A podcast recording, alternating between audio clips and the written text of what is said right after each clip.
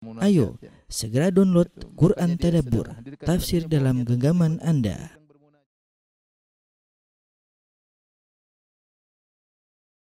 Bismillahirrahmanirrahim. Assalamualaikum warahmatullahi wabarakatuh. Waalaikumsalam. Alhamdulillahi ala ihsani wa syukru lahu ala taufiqihi wa amtinani. Asyhadu an la ilaha illallah wahdahu la syarika lahu ta'ziman li sya'ni. Abduhu wa rasuluhu da'ila ridwani. Allahumma salli alaihi wa ala alihi wa ashabihi wa ikhwani. Para ikhwan dan akhwat, bapak dan ibu-ibu, para jemaah Masjid Tarbiyah Cilandak yang dirahmati oleh Allah Subhanahu wa taala. Pada kesempatan yang bahagia ini kita melanjutkan bahasan kita pada sesi kedua tentang menuju perang Uhud. Insyaallah pekan depan kita akan masuk pada pembahasan perang Uhud. Kita masih pada peristiwa-peristiwa yang terjadi antara perang Badar dengan perang Uhud. Di antara peristiwa besar yang terjadi sebelum perang Uhud adalah Ghazwatu Bani Qainuqa yaitu uh, memerangi Bani Qainuqa. Sebagaimana telah sering kita sampaikan bahwasanya ada tiga suku besar dari Yahudi yang tinggal di kota Madinah yaitu Bani Qainuqa, Bani Nadir dan Bani Al-Quraidah ya. Uh, yang pertama kali diusir oleh Nabi sallallahu alaihi wasallam adalah Bani Qainuqa mereka adalah para pedagang dan mereka terkenal juga uh, pembuat uh, perhiasan, bentuk perhiasan, kemudian uh, mengolah perhiasan emas dan perak. Uh, namun mereka yang pertama kali uh, berkhianat sehingga mereka yang pertama kali diusir oleh Rasulullah sallallahu alaihi wasallam. Ya. Ketika Rasulullah sallallahu alaihi wasallam telah mengalahkan orang-orang Quraisy dalam perang Badar, ya kemudian Rasulullah SAW pulang ke kota Madinah maka Rasulullah SAW mengumpulkan orang Yahudi ya di pasar Bani Qainuqa di pasar mereka. Kemudian Rasulullah SAW mendakwahi mereka dengan berkata ya ma'asyara Yahud aslimu. Wahai orang Yahudi masuklah kalian dalam Islam. Qabla an yusibakum mithla ma asaba Quraisyan. Nanti bisa menimpa kalian apa yang telah menimpa orang-orang Quraisy ya. ya kalau mereka berkhianat kalau mereka membangkang ya bisa meng, apa mereka bisa mengalami apa yang dialami orang Quraisy. Maka orang Bani Qainuqa berkata, "Ya Muhammad, la yaghurrannaka min nafsika annaka qatalta nafaran min Quraisyin kanu aghmaran la ya'rifuna al-qital." Kata mereka, "Wahai Muhammad, jangan kau terpedaya dengan dirimu. Kau bisa melawan orang-orang Quraisy, ya, sekelompok orang Quraisy yang mereka tidak dikenal dalam peperangan. Mereka tidak tahu trik-trik berperang innaka law qataltana la arafta anna nahnu nas kalau kau berperang melawan kami kau akan tahu siapakah kami. Kami inilah yang sesungguhnya yang ahli perang. Wa annaka lam talqa mithlana dan kau tidak akan bisa melawan orang-orang seperti kami. Ya.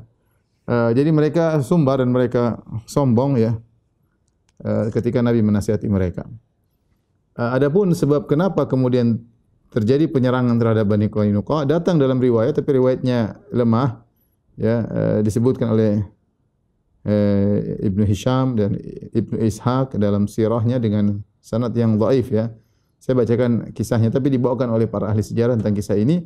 Bosnya ada seorang wanita uh, dari bangsa Arab datang kemudian uh, dia membawa barang bijalab yaitu barang dagangan kemudian dijual di pasar Bani Qainuqa.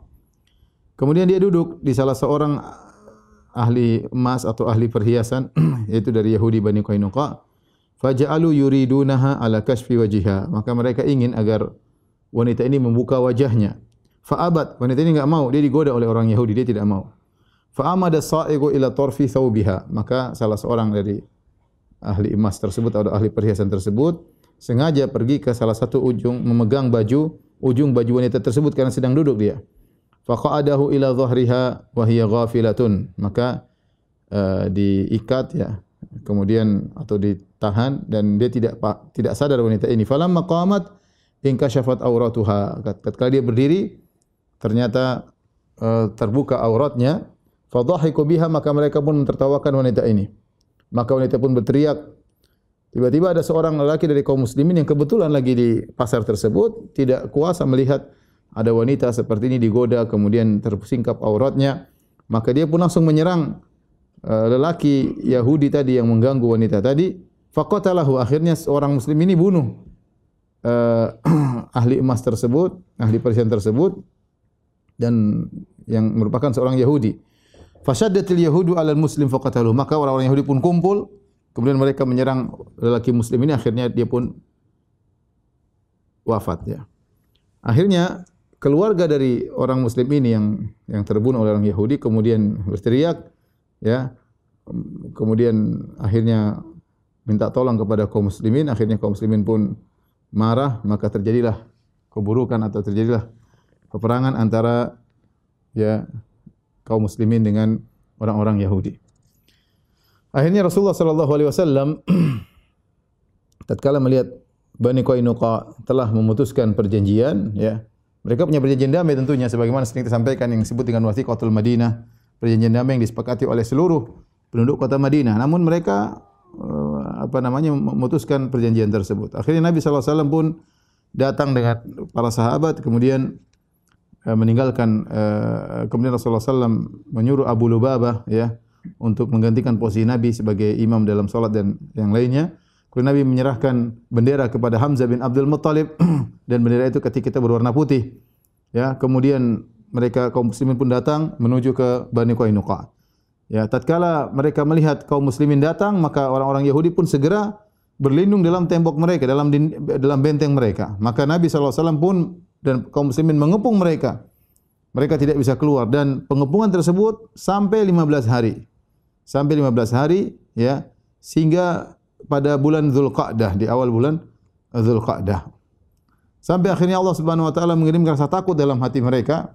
Akhirnya mereka pun menyerah dan pasrah dan mereka pun mengikuti aturan Rasulullah sallallahu alaihi wasallam. Ya. Akhirnya atas permintaan Abdullah bin Ubay bin Salul kepada Nabi wasallam, Abdullah bin bin Salul mengatakan ya Rasulullah mereka mereka adalah halifku yaitu sekutuku ya. Ketika di zaman jahiliyah dahulu mereka yang telah membela aku, kalau ada yang ingin menggangguku maka mereka yang membela aku, maka biarkanlah mereka ya Rasulullah. Ya, biarkanlah mereka. Akhirnya Rasulullah SAW pun menyuruh mereka untuk keluar dari kota Madinah dan dikasih waktu selama uh, tiga hari. Selama tiga hari mereka harus meninggalkan kota Madinah. Akhirnya uh, setelah itu mereka pun pergi meninggalkan kota Madinah maka terusirlah Bani Qainuqa dari kota Madinah. Dan ini adalah kabilah yang pertama yang keluar dari kota Madinah karena pengkhianatan yang uh, mereka lakukan. Dan ketika itu Eh, para sahabat mendapatkan banyak sekali ghanimah ya yang mereka tinggalkan ya terutama alat-alat perang ya yang dimiliki oleh mereka ya dan ini merupakan keuntungan besar bagi kaum muslimin. Taib itu di antara peristiwa yang terjadi ya eh, antara perang Badar sampai perang Uhud. Kemudian Rasulullah SAW masuk di bulan tadi bulan Zulqa'dah, kemudian Rasulullah SAW masuk di bulan Zulhijjah. Ya di bulan Zulhijjah maka Rasulullah SAW pun pertama kali melaksanakan solat Idul Adha ya. Idul Adha uh, yaitu pada tahun 2 Hijriah ya.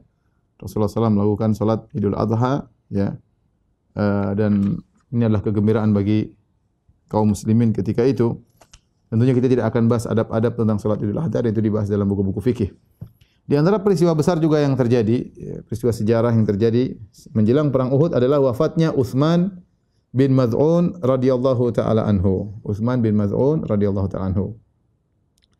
Pada bulan Zulhijjah ya, uh, wafatlah Uthman bin Maz'un. Dan Uthman bin Maz'un adalah seorang sahabat uh, senior ya, termasuk pembesar dari kaum Muhajirin termasuk wali-wali Allah yang sangat bertakwa ya.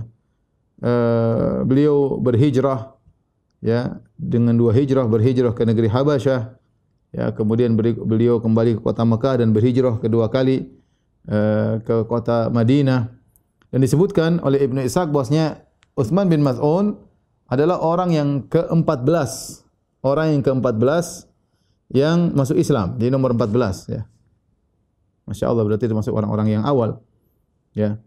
Dan beliau ikut juga dalam peperangan di antaranya dalam perang Badar. Dan dia Uthman bin Maz'un radhiyallahu anhu adalah orang yang paling semangat beribadah, terkenal beristihad. Ya, sangat semangat beribadah ya. Oleh karena di antara tiga orang yang datang kepada Nabi yang mengatakan Rasulullah, ya ada yang mengatakan ini ya, ya yang kemudian bertanya kepada ibadah bertanya kepada salah seorang istri Nabi tentang ibadah Nabi wasallam faka'annahum taqaluha. Seakan-akan mereka menganggap ibadah Nabi tidak banyak mereka mengatakan Rasulullah ibadahnya segitu. Padahal sudah diampuni dosa-dosa yang akan lalu dan yang telah lalu dan akan datang. Kita bagaimana kalau gitu ibadah kita harus lebih banyak? Karena kita tidak terjamin. Maka di antara mereka ada yang berkata ini la usalli lail wala anam aku akan salat malam aku tidak pernah tidur ini la asumu wala uftir aku akan berpuasa dan tidak pernah berbuka yang satu berkata uh, ini saat azilun nisa aku akan meninggalkan para wanita. Di antara tiga orang ini adalah Uthman bin Maz'un radhiyallahu taala anhu yang terkenal sangat semangat beribadah. Uh, sampai-sampai begitu semangatnya beliau beribadah siang hari puasa, malam hari solat malam ya. Uh, bahkan beliau meninggalkan uh, tidak mendek, jarang mendekati istri-istri beliau sampai beliau uh, uh, minta izin kepada Nabi untuk tabattul yaitu untuk meninggalkan istri-istri beliau secara total, tidak mau lagi. Karena saking semangatnya beribadah. Bahkan minta izin untuk dikebiri. Minta izin untuk dikebiri supaya bisa beribadah. Namun Rasulullah SAW melarang hal tersebut. Sebagai diriwayatkan oleh Imam Bukhari, Imam Muslim dalam Sahih. Mereka dari Sa'ad bin Abi Waqqas radhiyallahu anhu beliau berkata, "Radda Rasulullah SAW ala Uthman bin Mad'un atabattul walau adina lahu lakhtasayna."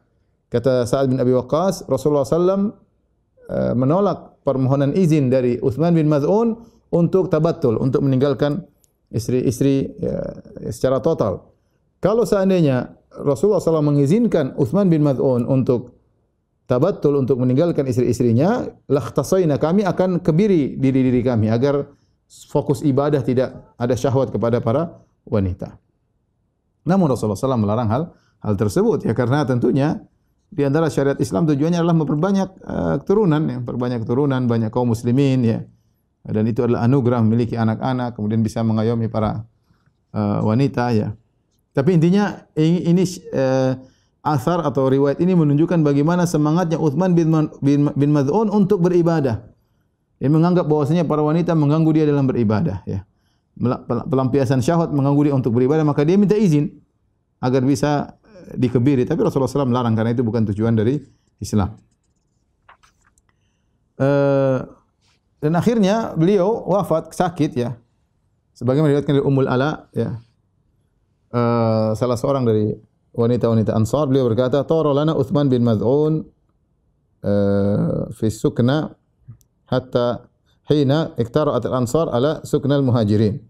Jadi beliau Eh, ketika berhijrah ke kota Madinah, ke kota Madinah, maka ketika itu kaum muslim dalam kondisi sulit, maka di antaranya uh, dibagi-bagi tempat untuk istirahat ya para para kaum Ansar dibagi-bagi siapa yang tinggal di rumah sini, siapa tinggal di rumah di rumah sini ya. Uh, kemudian ternyata salah seorang yang mendapatkan uh, rumah dari kaum Ansar adalah Uthman bin Ma'thun di rumahnya Ummul Ala tadi ya. Maka beliau pun sakit di situ famaradnahu hatta tufi.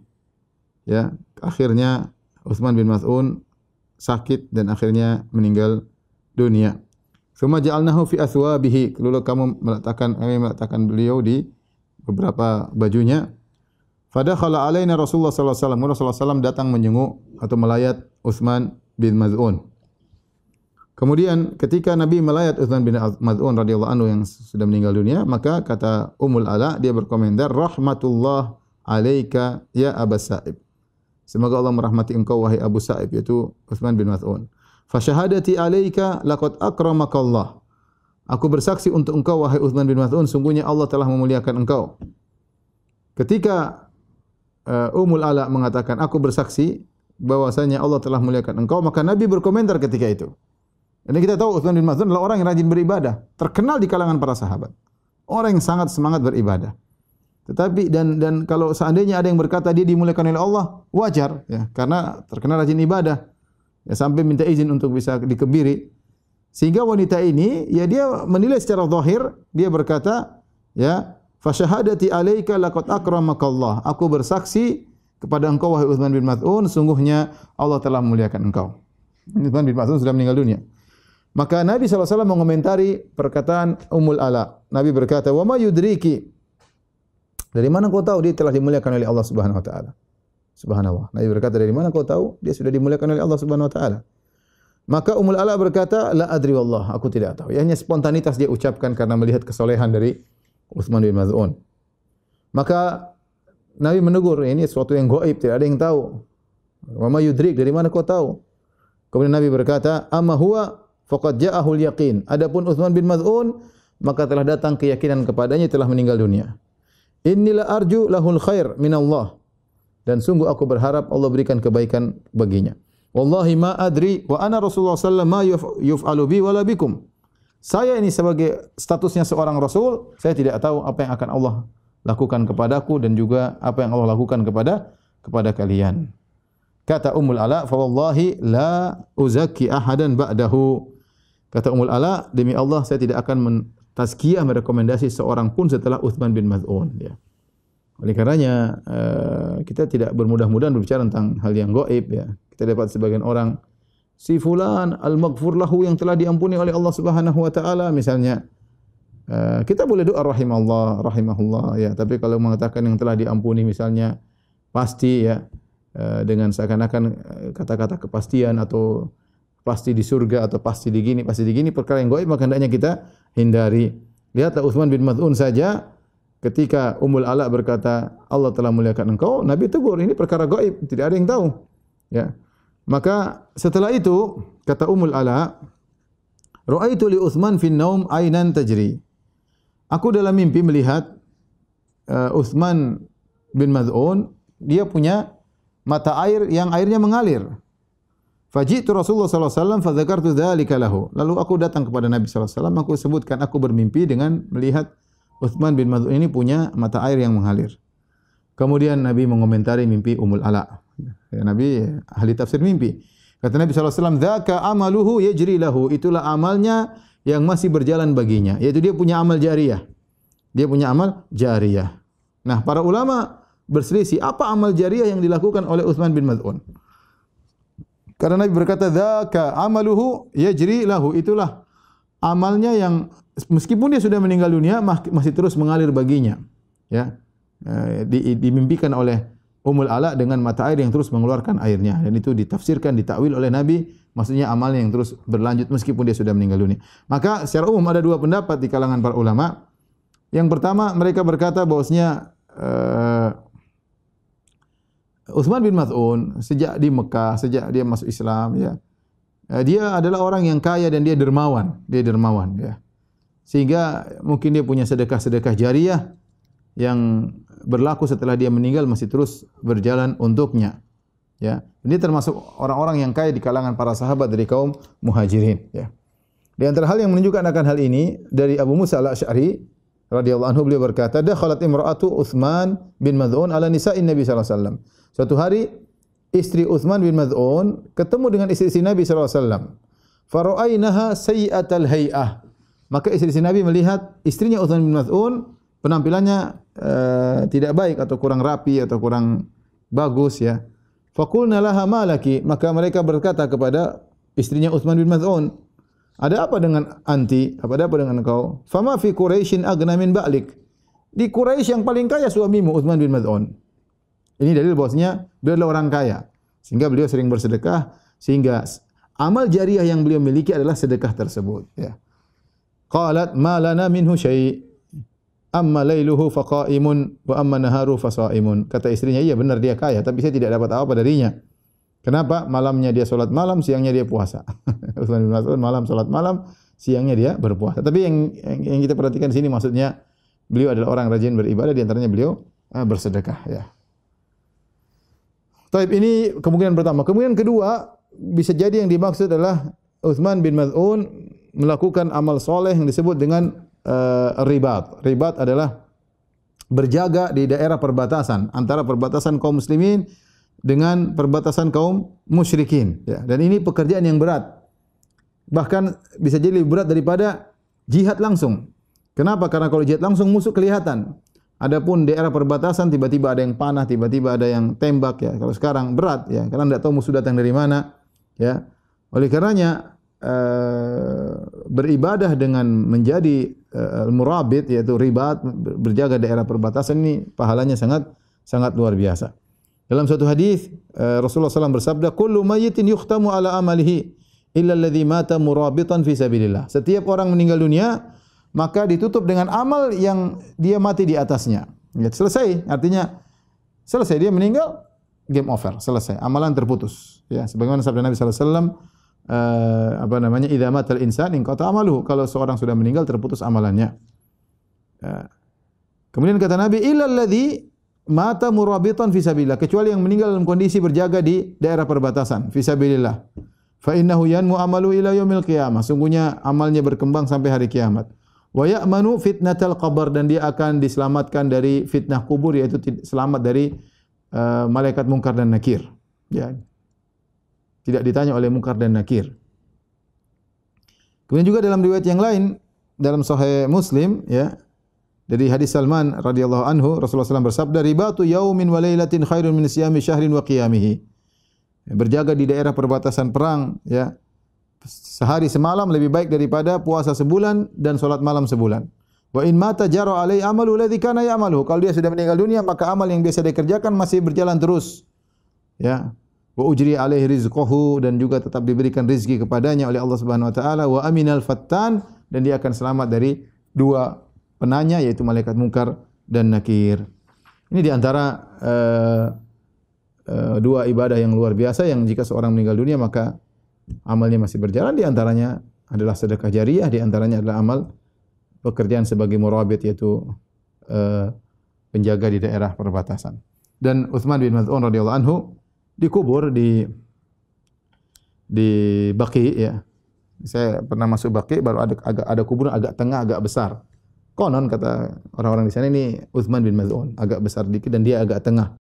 Masuk ke dalam kemudian tengah-tengah wallahu alam bisawab tapi sebagian penjaga mengatakan ini Uthman bin Maz'un radhiyallahu taala anhu uh, yang ada di Baqi. Baik.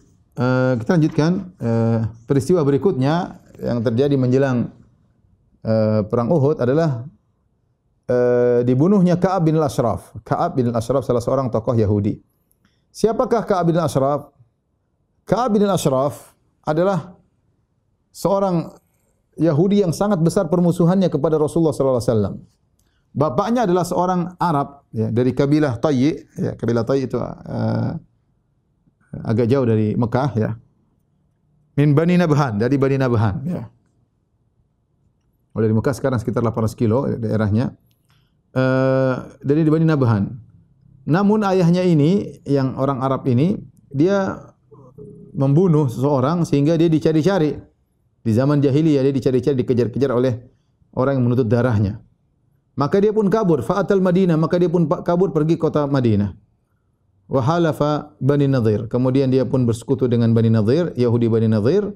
Fasyarufa fihim, ternyata dia menjadi mulia di kalangan orang-orang Yahudi. Kemudian dia menikah dengan Aqilah binta Abil Huqaiq. Dia menikah dengan seorang wanita Yahudiyah, maka lahirlah anaknya namanya Ka'ab. Dan Ka'ab bin Ashraf ini adalah seorang yang tawilan jasiman, seorang yang tinggi, badannya besar, orangnya gagah, tampan, wa kana syairan mujidan dan dia seorang yang pandai bersyair. Ya, bahkan dia disebutkan sada Yahudul Hijaz bi kathrati mali, bahkan dia menjadi pemimpin orang-orang Yahudi di Hijaz, di Mekah dan uh, di, di ya, Madinah dan sekitarnya. Ya, kenapa? Karena dia punya harta yang banyak. Bahkan dia uh, sering membagi-bagi harta kepada ulama-ulama orang Yahudi. Dan dia punya benteng di sebelah timur arah selatan uh, di kota Madinah, ya.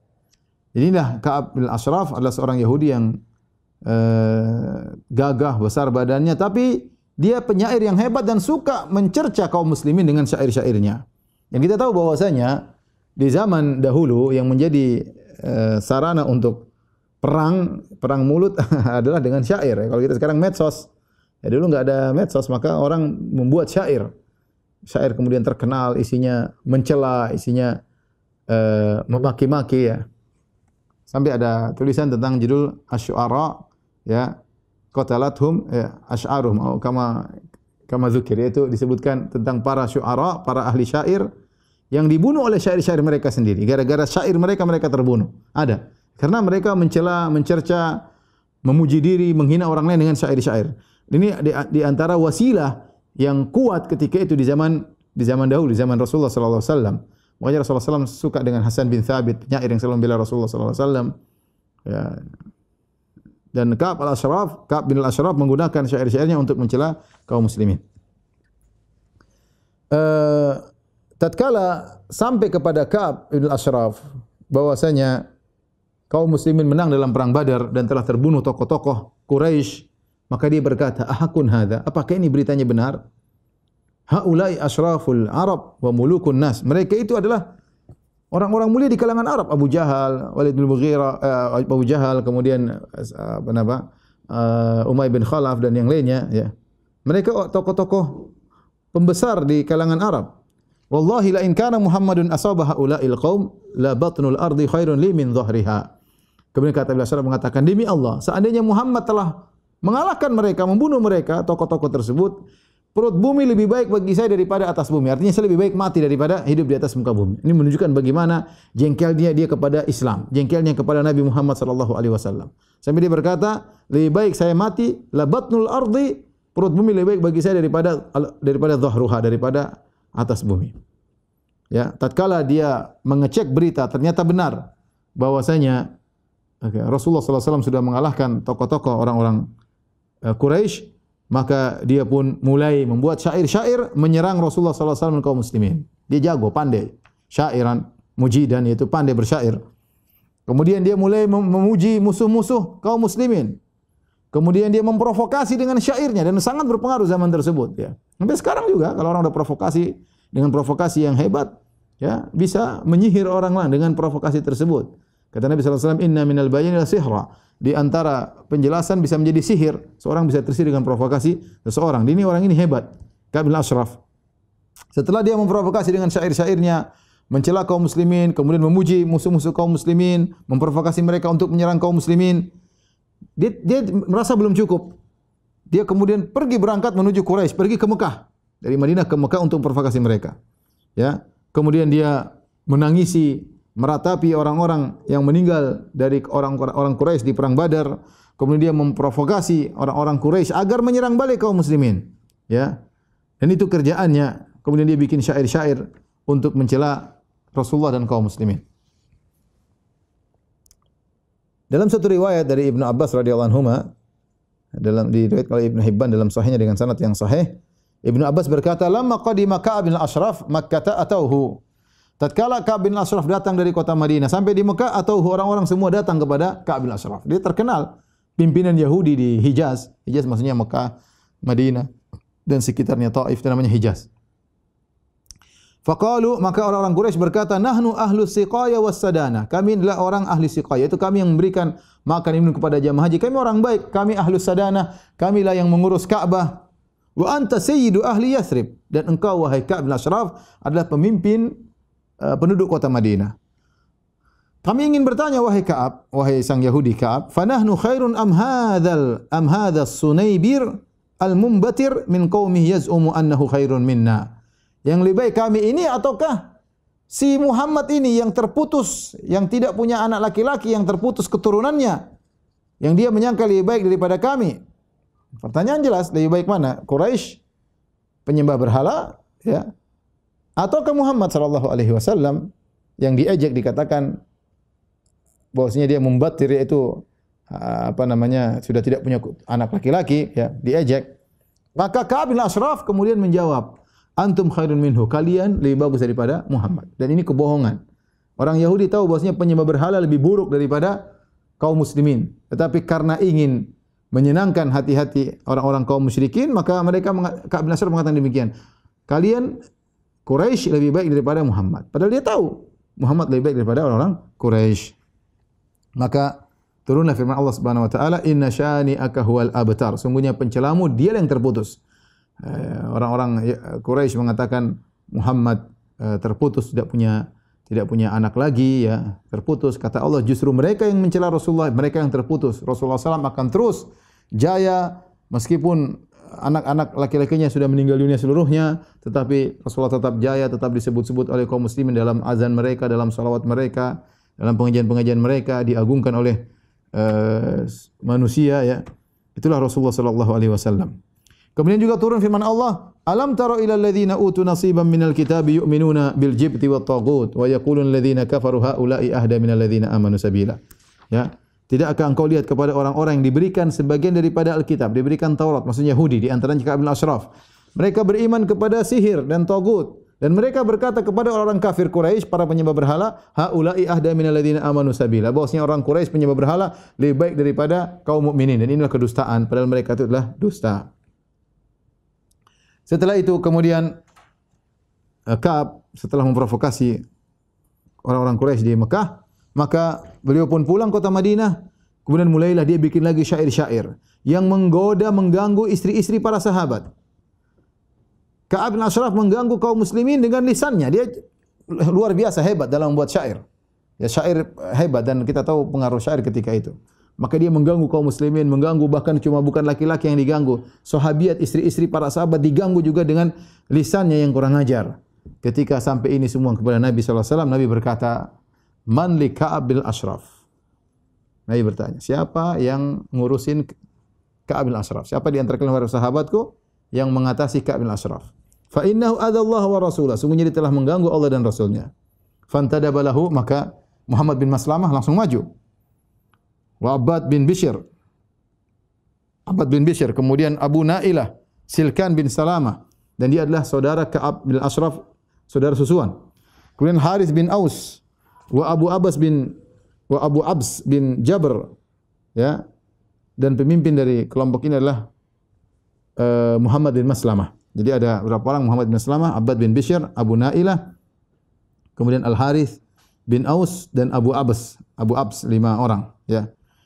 Dalam riwayat yang lain Rasulullah SAW berkata, "Man li Ka'ab bin Ashraf?" Siapa yang mau menyelesaikan Ka'ab bin Ashraf? Fa innahu qad ada Allah wa rasulah sungguhnya dia telah mengganggu Allah dan rasulnya. Maka Muhammad bin Salamah berdiri kemudian berkata ya Rasulullah atuhibbu an aqtulahu diperjelas. Muhammad bin Maslamah radhiyallahu anhu berkata ya Rasulullah kau ingin aku bunuh dia? Kata Rasulullah na'am iya bunuh dia. Faqala Muhammad bin Maslamah ketika diizinkan untuk membunuh Ka'ab bin Ashraf karena dia telah mengganggu maka Muhammad bin Maslamah berkata ya Rasulullah fa'dhan li an aqula syai'an. Ya Rasulullah izinkan aku untuk mengucapkan sesuatu kepadanya. Kata Nabi kul. Maksudnya apa? Saya ingin mengibuli dia. Ini menunjukkan para sahabat mereka jauh dari namanya kedustaan. Mereka jauh dari namanya kebohongan. Tapi eh, tatkala Muhammad bin Maslamah ingin mengibuli Ka'ab bin Ashraf agar bisa dibunuh, maka dia minta izin kepada Nabi. Saya ingin ngomong sesuatu begini-begini. Artinya ingin mengucapkan sesuatu, ingin uh, mengibuli uh, Ka'ab bin Ashraf agar bisa dibunuh. Ini kita namanya al-harbu khid'ah. Bahwasanya perang adalah tipuan apa namanya taktik dalam peperangan. Maka akhirnya Muhammad bin Maslamah pergi kepada Ka'ab bin Ashraf. Kemudian dia pura-pura dia berkata, "Inna hadha rajul" Sungguhnya Muhammad ini yaitu Rasulullah qad sa'alana sadaqah. Dia minta kami agar bersedekah. Wa innahu qad annana qad annana dan sungguhnya Muhammad sudah bikin kami capek minta sedekah minta sedekah dan kita sudah punya enggak punya duit. Wa inni qad ataituka astaslifuka dan saya datang kepada engkau Ka'ab bin Ashraf orang kaya, saya pinjam uang dari engkau. Kenapa sih Muhammad ni minta-minta orang ini Muhammad SAW mengatakan orang ini itu maksudnya Rasulullah wasallam minta-minta sedekah. Ya. Uh, kemudian dia berkata wa aidan wallahi la tamulunna la tamullannahu ya dan sungguh engkau akan lebih eh, dan engkau wahai Ka'ab bin Ashraf juga lebih terganggu dengan adanya Muhammad ini. Kemudian uh, enggak Ka'ab bin Ashraf mengatakan wa aidan wallahi la tamullannahu kata Ka'ab bin Ashraf selain Muhammad ini selalu minta-minta meletihkan kalian minta-minta sedekah dan engkau wahai Muhammad bin Maslamah ya akan semakin terganggu dengan adanya Muhammad ini. Maka Muhammad bin Maslamah radhiyallahu berkomentar, Inna qad ittaba'nahu. Kami sudah terlanjur jadi pengikutnya wahai Ka'ab. Fala nuhibbu an nada'ahu hatta nanzura ila ay syai'in yasiru sya'nuhu. Kami tidak ingin meninggalkan Ka'ab bin Ashraf. Eh, kami tidak ingin meninggalkan Muhammad sallallahu alaihi wasallam sampai kami tahu bagaimana kesudahannya. Itu terlanjur ikut dia. Wa qad aradna an nustuslifana wasqan aw wasqaini. kami ingin agar kau uh, meminjamkan uh, kepada kami satu wask, wask itu 60 sa' satu sa' kira-kira 2,5 kilo, ya kali aja 60 banyak itu jumlah yang banyak. Aw wasqain atau dua kali 120 sa' itu 120 ukuran zakat. Zakat kali 120. Kami ingin pinjam. Kenapa Muhammad ini minta zakat, minta sedekah, minta sedekah? Ka'ab bin Ashraf bukanlah orang yang bodoh. Dia orang kaya. Ini ada orang Islam minta uh, minta sumbangan agar utang supaya bisa kasih sedekah kepada Muhammad. Maka dia berkata, "Na'am. Saya akan kasih. Tetapi arhinuni, berikan apa gadai kalian kepadaku." Mana gadainya? Maka Muhammad Salamah berkata, "Ayu syai'in turid? Kau ingin kami menggadaikan apa?" Kata Ka'ab bin Ashraf, "Arhinuni nisa'akum." Aku ingin kalian menggadaikan istri-istri kalian. Istri kalian sama saya, ya saya akan kasihkan kalian gandum ya satu 120 sa atau 60 sa ya yang penting istri-istri kalian bawa sini kata Muhammad bin Salamah ini cerdas dia berkata kaifa narhanuka nisa'ana wa anta ajmalul arab? Maka dia puji Ka'ab. Nah, dia mengatakan ya Ka'ab gimana kami mau kasihkan istri kami sebagai gade di sisi engkau sementara engkau adalah orang Arab tertampan. Gimana nanti istri kami terfitnah? Ya? Kau orang Arab tertampan, gimana mau taruh istri-istri kami di sisimu? Kaab berkata lagi, Fa'arhinuni abna'akum. Kalau gitu anak-anak kalian, sudah istri kalian, enggak usah anak kalian, titip sama saya sebagai jaminan kalian akan mengembalikan utang kalian. Muhammad bin Maslamah berkata lagi, ini cerdasnya Muhammad bin Maslamah. Kaifa narhanuka abna'ana fayusabbu ahaduhum fayuqal ruhina biwasqin wa awisqain. Hadha arun alaina. Bagaimana kami mau naruh anak-anak kami sebagai jaminan bagi engkau wahai Ka'ab. Kalau kami taruh anak-anak kami, maka anak kami akan dicerca. Dibilang, lihat bapakmu Maslamah, Muhammad bin Maslamah, menggadaikan engkau hanya untuk mendapatkan 60 sa' 60 uh, beras cuma 60 berapa 100 kilo atau berapa kilo. Ya, masa nyawa digadaikan. Sehingga anak-anak kami nanti tercela dan dihina. Akhirnya Mas Muhammad bin Salam mengatakan dan dia langsung kasih ide, walakinna narhanuka al-la'amah. Taib begini saja. Kita gadaikan alat-alat perang kami. Maksudnya baju perang, kemudian uh, senjata, pedang, ya udah itu juga akan berharga. Di antara yang paling berharga dimiliki oleh orang-orang ketika itu adalah alat perang. Istri nomor satu, anak-anak, kemudian keluarga nomor satu, setelah itu alat perang. Akhirnya Kaab bin Asraf setuju. Ya, maka Muhammad Salamah berjanji akan datang membawa jaminan tersebut untuk digadaikan. Datanglah Abu Nailah, ya. Abu Nailah saudara sepersusuannya Ka'ab bin Ashraf dan dia juga termasuk dari grup yang akan membunuh Ka'ab bin Ashraf. Jadi kita sebut lima orang di antaranya Muhammad bin Salam sebagai ketuanya di antara anggotanya Abu Nailah.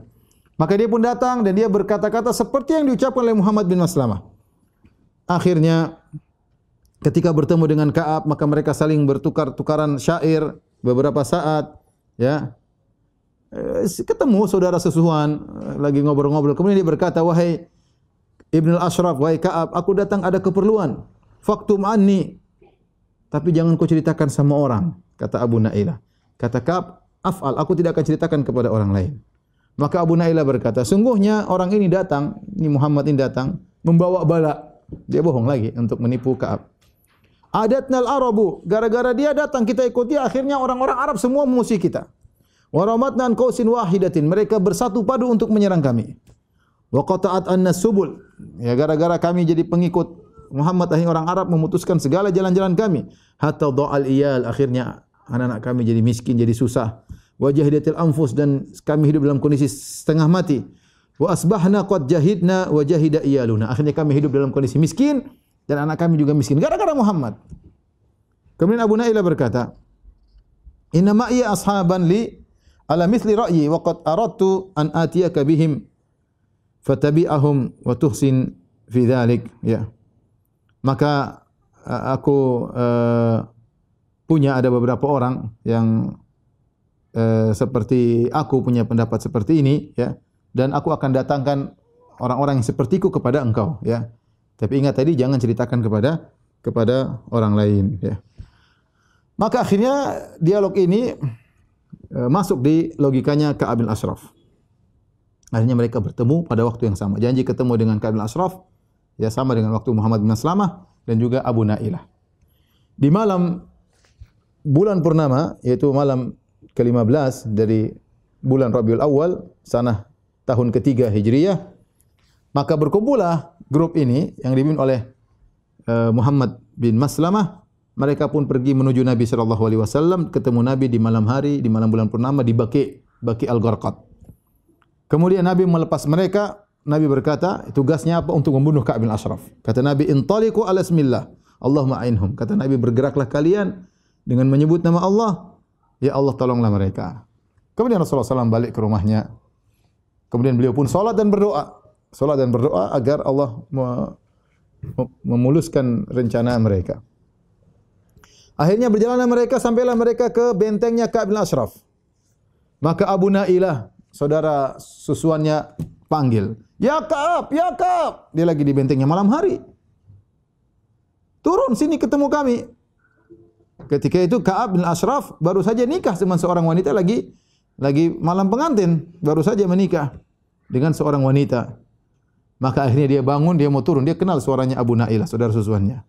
Istrinya berkata, "Aina takhruju hadhi sa'ah? Kau hendak ke mana wahai suamiku di malam seperti ini di tengah malam?" Maka Ka'ab bin Ashraf tidak ada curiga sama sekali.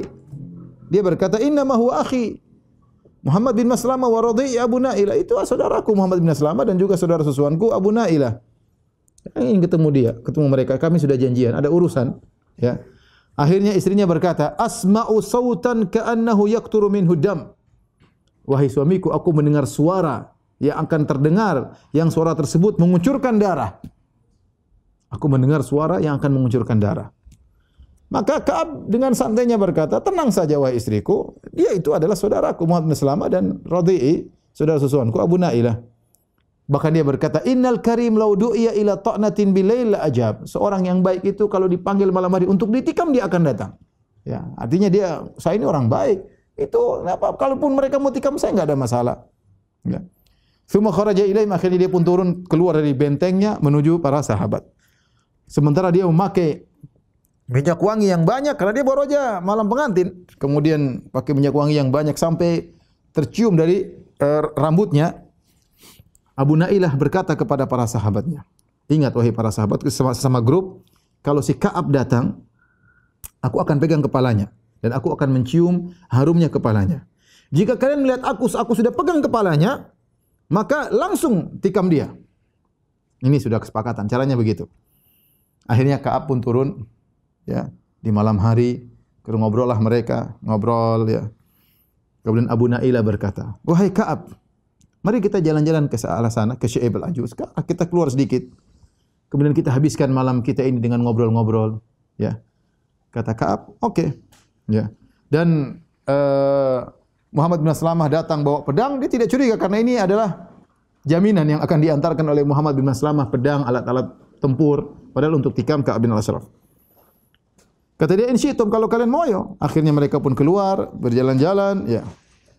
Di tengah perjalanan, ya. Abu Nailah berkata, Maru aitu kalailati tiban a'tarqat. Dia mulai buka bicara. Saya tidak pernah cium malam hari ini. Kok harum banget. Tidak pernah saya melewati malam tercium aroma yang wangi seperti ini. Maka Ka'ab berkata, Indi a'taru nisa'il Arab. Saya punya istri wanita Arab yang paling harum istriku. Kata Abu Nailah, "Ata'dzan li an ashumma ra'sak?" Bolehkah aku cium parfummu, aroma parfum di kepalamu? Qala na'am. Kata dia, silakan. Fa adkhala yadu fi ra'si fa. Maka dia pun masukkan tangannya di rambutnya dicium. Uh, Masya Allah, harum. Ya. Kemudian mereka berjalan lagi. Mereka berjalan semakin jauh dari bentengnya. Abu Nailah ulangi lagi. Dia berkata, bolehkah aku ulangi untuk mencium kepalamu? Kata Kaab, silakan. Maka dia pegang lagi, masukkan tangannya. Uh, memang harum. Ya, kemudian sampai tenang. Kemudian berjalan lagi semakin jauh dari bentengnya. Ya. Kemudian ketiga kali dia berkata, "Boleh aku cium lagi rambutmu?" Kata Ka'ab, "Silakan." Dia tidak curiga, maka Abu Nailah pun memegang kepalanya, kemudian dia cium, masukkan, begitu dia masukkan tangannya di kepalanya, kemudian dia pegang itu kepalanya Ka'ab. Kemudian dia berkata kepada kawan-kawannya, "Dunakum adu Allah, ayo tikam ini musuh Allah." Maka fakhtalafat ali asyafu maka semuanya kemudian tikam ke ke Ka'ab bin Ashraf tapi dia tentu meronta ya Itu dia meronta-ronta, kemudian dia kuat, mungkin dia bisa menghindar dan yang lainnya, ya. Akhirnya Muhammad bin Maslamah mengambil mi'wal, mi'wal itu semacam kapak ya. Kemudian ditaruh di bawah pusarnya, kemudian ditekan, akhirnya dia meninggal dunia, ya. Sebelum meninggal dia teriak dengan teriakan yang sangat keras. Inilah teriakan yang difirasatkan oleh istrinya. Sautan yaqturu minhu dam, suara yang mengalirkan darah. Akhirnya semua orang mendengar teriakan tersebut, dia teriak sangat keras.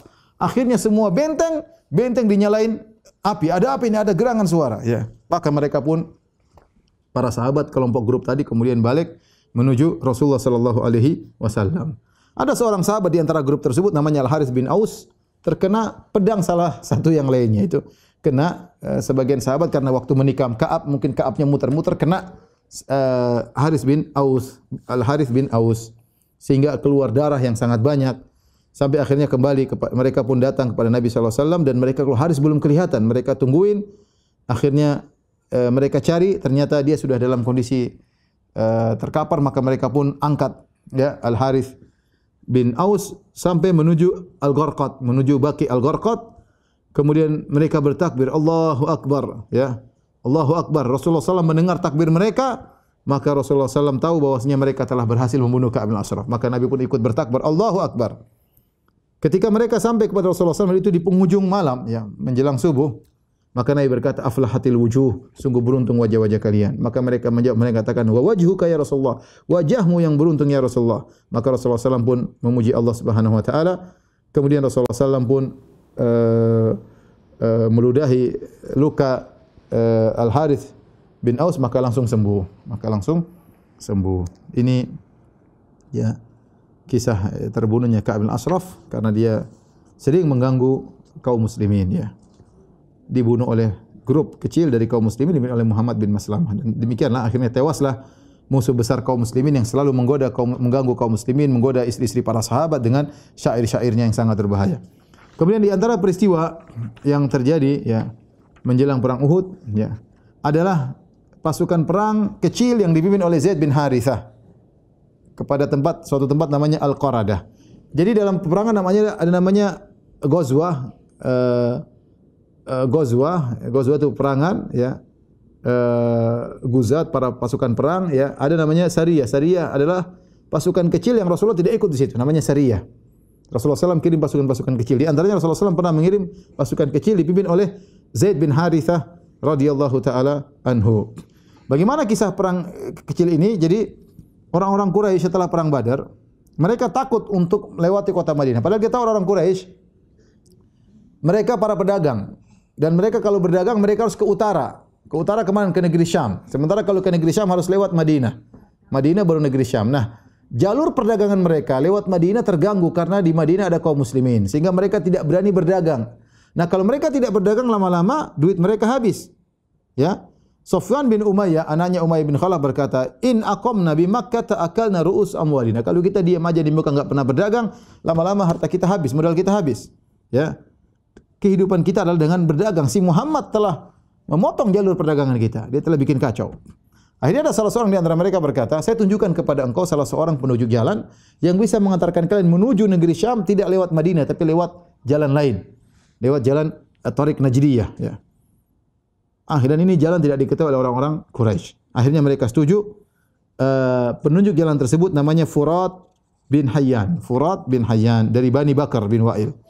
Akhirnya mereka bayar orang kafir tersebut sebagai penunjuk jalan, Furat bin Hayyan. Akhirnya mereka pun berjalan menuju ke negeri Syam tidak lewat kota Madinah. Suatu hari ada dari kalangan kota Mekah bernama Nuaim bin Mas'ud Al-Asja'i. Dia datang ke kota Madinah dan dia masih musyrik ketika itu. Dia masih musyrik, datang ketemu kawannya. Maka dia mampir di seorang namanya Kinanah bin Abil Huqaiq dari Bani Nadir, ya ketika itu ada seorang sahabat namanya Sulaid ibnu Nu'man. Sulaid bin Nu'man dan dia sudah Islam waktu itu. Dan ketika itu khamar belum diharamkan. Maka mereka mabok bertiga ini. Ya. Ada Kinana bin Abil Hukay, kemudian ada Nu'aim bin Mas'ud, dan ada sahabat ini Sulaid bin Nu'man. Ketika Nu'aim bin Mas'ud, dan itu khamar belum diharamkan, ketika Nu'aim bin Mas'ud dan dia orang musyrik, dia minum bir sampai teler, akhirnya dia cerita. Dia cerita, dia beberkan semuanya. Dalam kemabukannya dia berkata, sungguhnya orang Quraisy akan pergi menuju negeri Syam tapi tidak lewat jalur kota Madinah, lewat Tariq Najriyah dan akan dibawa oleh seorang uh, penunjuk jalan. Dia cerita dengan panjang lebar. Begitu mendengar hal ini sulit langsung pergi menuju kepada Nabi dan cerita apa yang terjadi. Ketika Nabi tahu ada pasukan uh, ada sekelompok pedagang dari kota Mekah yang ingin pergi ke negeri Syam lewat jalan lain, maka Nabi pun mengirim pasukan kecil yang oleh Zaid bin Harithah membawa sekitar 100 pasukan untuk menghadang orang-orang Quraisy dan akhirnya mereka berhasil menghadang akhirnya mereka pun kabur. Semuanya kabur dan akhirnya barang dagangan mereka dirampas oleh kaum muslimin. Yang tersisa ya uh, adalah penunjuk jalan. Penunjuk jalan tersebut ya tadi namanya adalah Furat bin Hayyan. Furat bin Hayyan akhirnya ketika uh, dia ditangkap ya kemudian dibawa ditawan dibawa kepada Nabi sallallahu alaihi wasallam akhirnya dia berkata ini muslim saya masuk Islam. Saya masuk Islam. Maka orang-orang berkata ya Rasulullah dia menyangka dia telah masuk Islam. Ya kata Rasulullah ya sudah. Nakiluhum ila imanihim. Ya, kita serahkan kepada imannya. Ya. Di antaranya Furat bin Hayyan. Dan Furat bin Hayyan ini masuk Islam dan akhirnya Islamnya bagus ya. Dan akhirnya dia berperang bersama Rasulullah wasallam memerangi uh, orang-orang kafir ya. Ya. Dan uh, apa namanya uh, masuk Islam dengan Islam yang baik ya. Subhanallah tadinya jadi penunjuk jalan akhirnya masuk masuk Islam. Ini disebut dengan Sariyah dipimpin oleh Zaid bin Harithah disebut uh, Sariyah yang diutus oleh Nabi menuju Al-Qaradah. Kemudian di antara peristiwa ya sedikit lagi insyaallah peristiwa yang terjadi sebelum perang Uhud masih ada tiga peristiwa uh, singkat yang di antaranya adalah pernikahan Utsman dengan Ummu Kulsum putri Rasulullah sallallahu alaihi wasallam. Kita tahu Utsman pertama nikah dengan Ruqayyah. Ruqayyah uh, bintu Rasulullah sallallahu alaihi wasallam. Kemudian Ruqayyah sebagaimana kita ceritakan ketika Utsman ingin perang ikut perang Badar Rasulullah suruh Utsman untuk menjaga Ruqayyah. Akhirnya ketika Rasulullah SAW pulang Ruqayyah sudah meninggal dan sudah dikubur uh, dikubur uh, Rasulullah SAW tidak sempat melihat pengkuburan Ruqayyah. Ya. Uh, setelah itu Rasulullah SAW menikahkan Utsman dengan putrinya yang lain, Ummu Kulsum. Dan nanti juga Ummu Kulsum akan meninggal dunia. Ya sampai ketika Ummu Kulsum meninggal dunia kata Nabi sallallahu alaihi wasallam, "Saya punya putri yang ketiga, saya akan nikahkan dengan Ummu Kulsum." Ya. Uh, dengan Utsman bin Affan. Makanya Utsman bin Affan dijuluki dengan Dzunurain, pemilik dua cahaya karena dia yang satu-satunya sahabat yang pernah menikahi dua putri Nabi sallallahu alaihi wasallam, Ruqayyah dan Ummu Kulsum. Kemudian di antara peristiwa yang terjadi Rasulullah SAW menikah dengan Hafsah bintu Umar. Hafsah bintu Umar radhiyallahu taala anha menikah dengan Nabi sallallahu alaihi wasallam pada bulan Sya'ban tahun 3 Hijriah. Setelah selesai iddahnya ya. Selesai iddahnya dan dia adalah istri dari Khunais bin Hudzafa As-Sahmi. Yang yang Khunais bin Hudzafa As-Sahmi ini uh, meninggal dalam perang Badar, meninggal dalam perang Badar. Jadi jadi janda, ya. Ketika dia menjadi janda, maka ayahnya Umar bin Khattab radhiyallahu anhu sebagaimana dalam Sahih Bukhari, ya. Uh, Umar bin Khattab kemudian uh, menawarkan putrinya kepada Utsman bin Affan. Ya, putrinya jadi janda. Maka Umar bin Khattab datang kepada Utsman, dia tawarkan putrinya Hafsah, maukah maukah kau nikahi putriku? Ya. Ini dalil bahwasanya seorang ayah boleh menawarkan putrinya kepada orang yang soleh. Yang dan ini bukan hal yang untuk dimalukan ya karena ini demi kepentingan putrinya atau demi kepentingan adiknya. Kalau dia ada orang soleh tawarkan enggak ada masalah, ya. Maka Umar menawarkan putrinya Hafsah kepada Utsman. Ke kemudian uh, kata Umar, Umar bercerita ini, "In syi'ta ankahtuka Hafsata binta Umar." Kalau kau mau ya Utsman, aku nikahkan kau dengan putriku Hafsah. Kata Utsman bin Affan, "Arfan, sa'anzuru fi dzalik." Tunggu, saya lihat dulu ya, saya pikir dulu. Falabitha layali, falabithtu layali, kata Umar, saya tunggu beberapa hari kok enggak ada jawaban.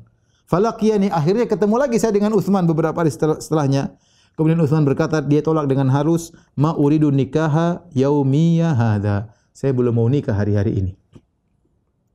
Falam yarji uh, kemudian qala Umar falaqitu Abu Bakar karena Utsman nolak atau tidak tidak belum siap untuk menikah, saya ketemu dengan Abu Bakar. Maka saya tawarkan lagi kepada Abu Bakar. Abu Bakar lebih tua daripada Umar. In syi'ta ankahtuka Hafsata binta Umar. Wahai Abu Bakar, kalau kau mau saya nikahkan putriku denganmu. Falam yarji ilayya syai'an. Dan Abu Bakar tidak jawab sama sekali. Fakuntu awjada alaihi minni ala Uthman. Saya lebih marah kepada Abu Bakar daripada kepada Uthman. Uthman ketika dia tidak mau nikah, dia ngomong, saya belum siap untuk nikah. Ini Abu Bakar saya tunggu-tunggu enggak ngomong-ngomong. Sudah diam begitu saja. Falabithtu layaliya. Aku tunggu berhari-hari Abu Bakar enggak ada jawaban. Saya jadi jengkel sama Abu Bakar daripada kepada Uthman. Tiba-tiba fa khatabaha ilayya Rasulullah sallallahu alaihi wasallam ternyata Rasulullah sallam melamar putriku Hafsah. Fa ankahtuha iyyahu maka aku pun nikahkan putriku dengan Rasulullah sallallahu alaihi wasallam. Setelah itu aku bertemu dengan Abu Bakar. Setelah Nabi menikahi Hafsah, Abu Bakar berkata, "La'allaka wajata fi nafsika hina hina aradta alayya Hafsah." Kayaknya kau marah ya waktu kau tawarkan Hafsah kepadaku dan aku tidak membalas sesuatu pun kepada engkau. Kata Umar, iya saya marah. Kenapa kau tidak kasih balasan? Mau atau enggak mau kan harus kasih balasan. Kata Abu Bakar, fa innahu lam yamna'ni an arji'a ilaika syai'an lamma aradta alayya illa anni sami'tu Rasulullah sallallahu alaihi wasallam Aku tidak mau beri jawaban apapun ketika itu. Kenapa? Karena aku dengar Nabi sebut-sebut Hafsah. Walam akun ufsi sirra Rasulullah sallallahu dan aku tidak mau ingin aku tidak ingin menyebarkan rahasia Nabi. Nabi mungkin ngobrol sama Abu Bakar cari pendapatnya sebut-sebut Hafsah, ya. Walau tarakah lanakah tu seandainya Rasulullah tidak menikahi Hafsah, aku akan nikahi Hafsah. Jadi apa namanya? Abu Bakar menenangkan hati Umar ya. Dan kata para ulama di sini cerdasnya Abu Bakar. Bertemu Abu Bakar rah jaga rahasia. Pembicaraan Abu Bakar dengan Rasulullah sallallahu alaihi wasallam, Abu Bakar tidak ceritakan kepada Umar karena Rasulullah datang dalam rangka pembicaraan pribadi dan kita pun demikian. Kalau ada orang datang bicara pribadi, jangan kita sebarkan sama sama orang. Ya. Ya, karena kalau dia kecuali dia izinkan kalau datang dalam pembicaraan berdua itu biasanya adalah pembicaraan pribadi yang disebarkan kepada orang lain. Yang kedua, Abu Bakar tidak menyampaikan kepada Umar Misalnya dia mengatakan Umar kayaknya Rasulullah ingin menikahi Hafsah. Khawatir apa kalau Rasulullah tidak jadi, maka Umar semakin kecewa. Jadi Abu Bakar memilih diam. Ini bijaknya Abu Bakar. Ketika Rasulullah sudah menikah dengan Hafsah, baru Abu Bakar kemudian mengatakan tadinya sepertinya kau marah waktu itu. Seandainya Rasulullah tidak menikahi putrimu, aku akan menikahi. Ini dalil uh, bahwasanya seorang saya katakan tadi boleh menawarkan putrinya kepada orang yang soleh. Meskipun orang soleh tadi sudah punya istri, enggak ada masalah. Abu Bakar sudah punya istri, Utsman sudah punya istri, ya. Rasulullah juga sudah punya istri dan Umar menawarkan putrinya Hafsah kepada orang-orang soleh tersebut. Kemudian peristiwa yang terakhir sebelum kita masuk pada peristiwa perang Uhud adalah menikahnya Rasulullah dengan Zainab bintu Khuzaimah. Ya dan ini terjadi bulan Ramadhan pada tahun 3 Hijriah. Zainab binti Khuzaimah Al-Hilaliyah ya. Uh, beliau dikenal dengan Ummul Masakin. Ibunya orang-orang miskin. Kenapa? Karena beliau begitu dermawan, sering memberi makan kepada orang-orang miskin dan sering bersedekah kepada orang-orang miskin. Dialah uh, Zainab bintu Khuzaimah.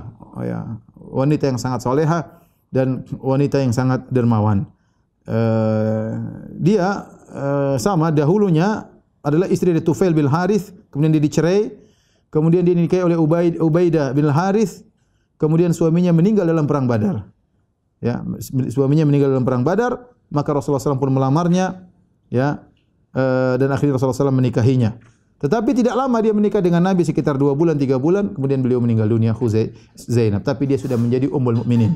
Jadi ummul mukminin. Inilah Rasulullah SAW kalau kita lihat dan juga para sahabat, uh, mereka saling menolong di antara Eh, sahabiat-sahabiat kalau ada yang janda langsung mereka nikahi kalau ada yang tidak punya suami mereka langsung apa nikahi karena mereka perhatian kepada istri-istri kawan-kawan mereka agar tidak ditinggal ya terbengkalai tidak ada yang mengurusi dan itu kebiasaan para para sahabat radhiyallahu taala anhum yang kebiasaan tersebut hilang di zaman kita.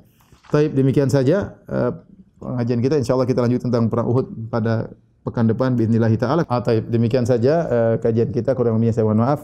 Wabillahi taufiq wal hidayah. Assalamualaikum warahmatullahi wabarakatuh.